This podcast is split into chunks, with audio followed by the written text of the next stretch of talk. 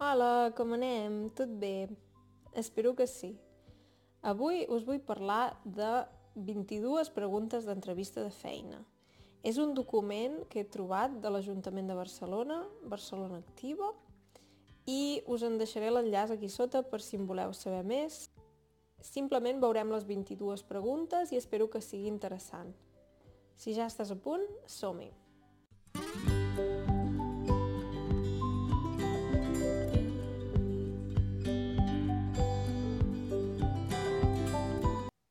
Hi ha diferents categories uh, a les possibles preguntes d'entrevista. La primera categoria és formació. Formació es refereix als estudis, o, per exemple, si has fet un grau superior, o si has fet alguns cursos en línia, què has estudiat, què has fet per formar-te. Sí?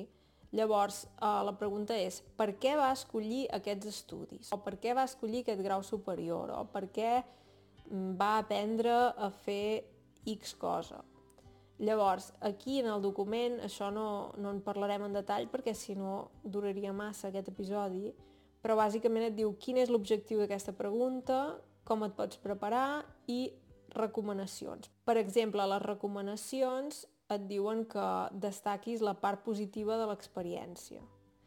I també et diuen que potser et faran altres preguntes similars. Tornaria a escollir els mateixos estudis si tornés a començar? Quins estudis li agradaria haver realitzat? Li agrada el que ha estudiat? Són tipus de preguntes que et poden fer sobre la teva formació. Llavors, la segona pregunta és, ha ampliat la seva formació els darrers anys? Aquí et recomanen, per exemple, el següent. La competència clau d'aprenentatge i utilització de coneixements és molt valorada al mercat laboral. Implica interès per ampliar i actualitzar els coneixements i saber aplicar-los a la feina.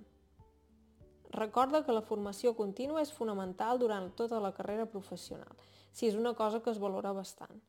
Llavors, aquestes preguntes han sigut sobre la formació. Llavors venen les preguntes sobre l'experiència professional i concretament els objectius. Quina és la seva experiència anterior? I aquí has de parlar això, de què has, de què has treballat abans. I jo penso que si no has treballat pots explicar coses que has fet als estudis, potser projectes i coses així. La pregunta número 4 és, durant el període d'atur, què ha fet? L'atur és quan no estàs treballant. Si, per exemple, deixes la feina i estàs 6 mesos buscant feina. Aquest període és el d'atur. Atur, com aturar-se. Aturar-se vol dir parar-se, sí. Exacte. Llavors, um, si has estat a l'atur, per exemple, pots explicar ah, he estat aprenent català, o he estat aprenent anglès, o he estat fent alguna cosa. Sempre queda bé dir que has fet alguna cosa. Llavors, el número 5 és sobre el sou. Quan li agradaria guanyar? Aquí et recomanen que deixis sempre portes obertes a una possible negociació pel que fa al sou. Quins assoliments ha aconseguit a la feina que destacaria? Aquí et recomanen que donis exemples concrets d'assoliments aconseguits, o sigui, coses que has fet positives a les feines anteriors. Quines persones o empreses ens poden facilitar referències seves? Um, aquí el que estan demanant és si poden trucar algú, si poden contactar algú per demanar, verificar que, que vas treballar a aquest lloc i com, com treballaves, etc. La pregunta següent és, quins són els seus objectius futurs? Aquí segurament volen veure que si estàs buscant una feina a aquesta empresa, si realment tens interès de quedar-t'hi bastant temps, si té sentit eh, treballar aquí o no, perquè clar, una empresa es gasta molts diners per buscar treballadors i si llavors la persona la formen, li ensenyen tot i al cap de tres mesos se'n va, realment no els hi surt a compte. Llavors la número 9 és quines han sigut les seves expectatives a feines anteriors i com es van complir. O sigui, què esperaves de les feines anteriors i es va complir sí o no i com? Sí. Llavors, la pregunta número 10. Per què vol canviar de feina? Aquí et recomanen evitar respostes vagues i imprecises com per exemple vull canviar perquè m'he avorrit i evitar aspectes referents exclusivament a augments de sous. O sigui, no només dir no, és que no em pagaven prou. Recorda donar sempre respostes en positiu, tot i que siguin experiències negatives. Llavors, la número 11 pot ser una mica difícil. L'han acomiadat d'alguna feina? Per què? Acomiadar algú vol dir fer fora, és a dir, tu treballaves a un lloc i han dit no, ja no treballes aquí perquè per X motiu no, no podem continuar treballant amb tu. Uh, sí, això va passar bastant durant l'època de Covid i va haver molta gent que el, que el van acomiadar. Pot ser, per exemple, un motiu. Sí. Llavors, pel que fa a les competències personals o la personalitat, quins són els teus punts forts o els seus punts forts? O sigui, què fas especialment bé? I aquí també et recomanen que donis exemples, perquè si dius, ah, sóc molt comunicatiu, diuen, ah, d'acord, però pots dir, sóc molt comunicatiu, ho vaig demostrar en aquella empresa perquè bla, bla, bla. I ho expliques, sí. Llavors, ha comès algun error professional?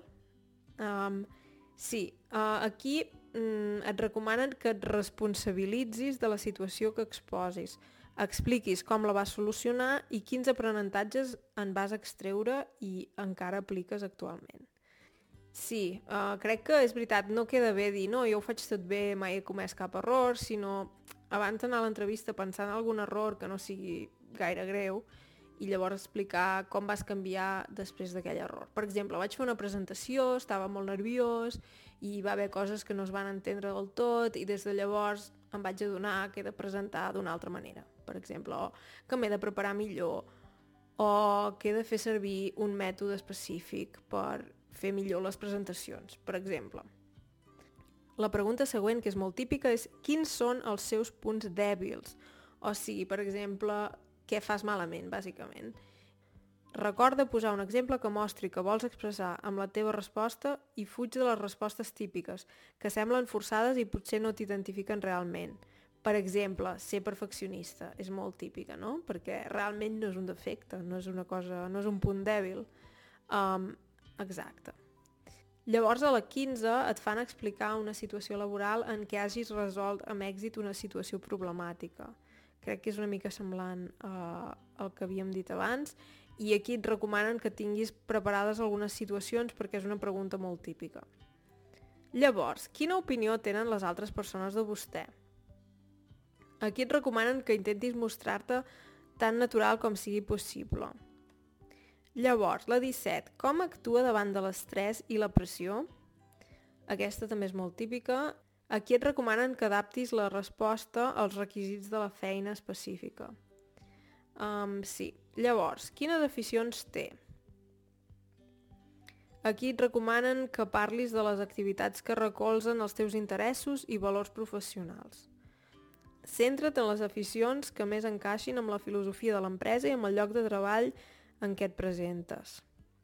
Llavors, les últimes preguntes són eh, relacionades amb l'interès per la vacant. Per què desitja treballar a la nostra empresa? La número 20 és per què creu que l'hauríem de contractar? La 21, què és el que més valora d'una feina? I finalment sempre et demanen si tens alguna pregunta. Um, crec que són preguntes molt típiques totes, no n'hi ha cap que m'hagi sorprès especialment, Uh, si esteu buscant feina potser us resultarà útil i si no, potser teniu curiositat i també us pot servir per llegir una mica en català. I res, espero que us hagi agradat aquest episodi i si teniu cap idea no dubteu a escriure'm un missatge. Moltes gràcies als meus patrons i als que em doneu suport a Ko-Fi i fins ben aviat. Adeu!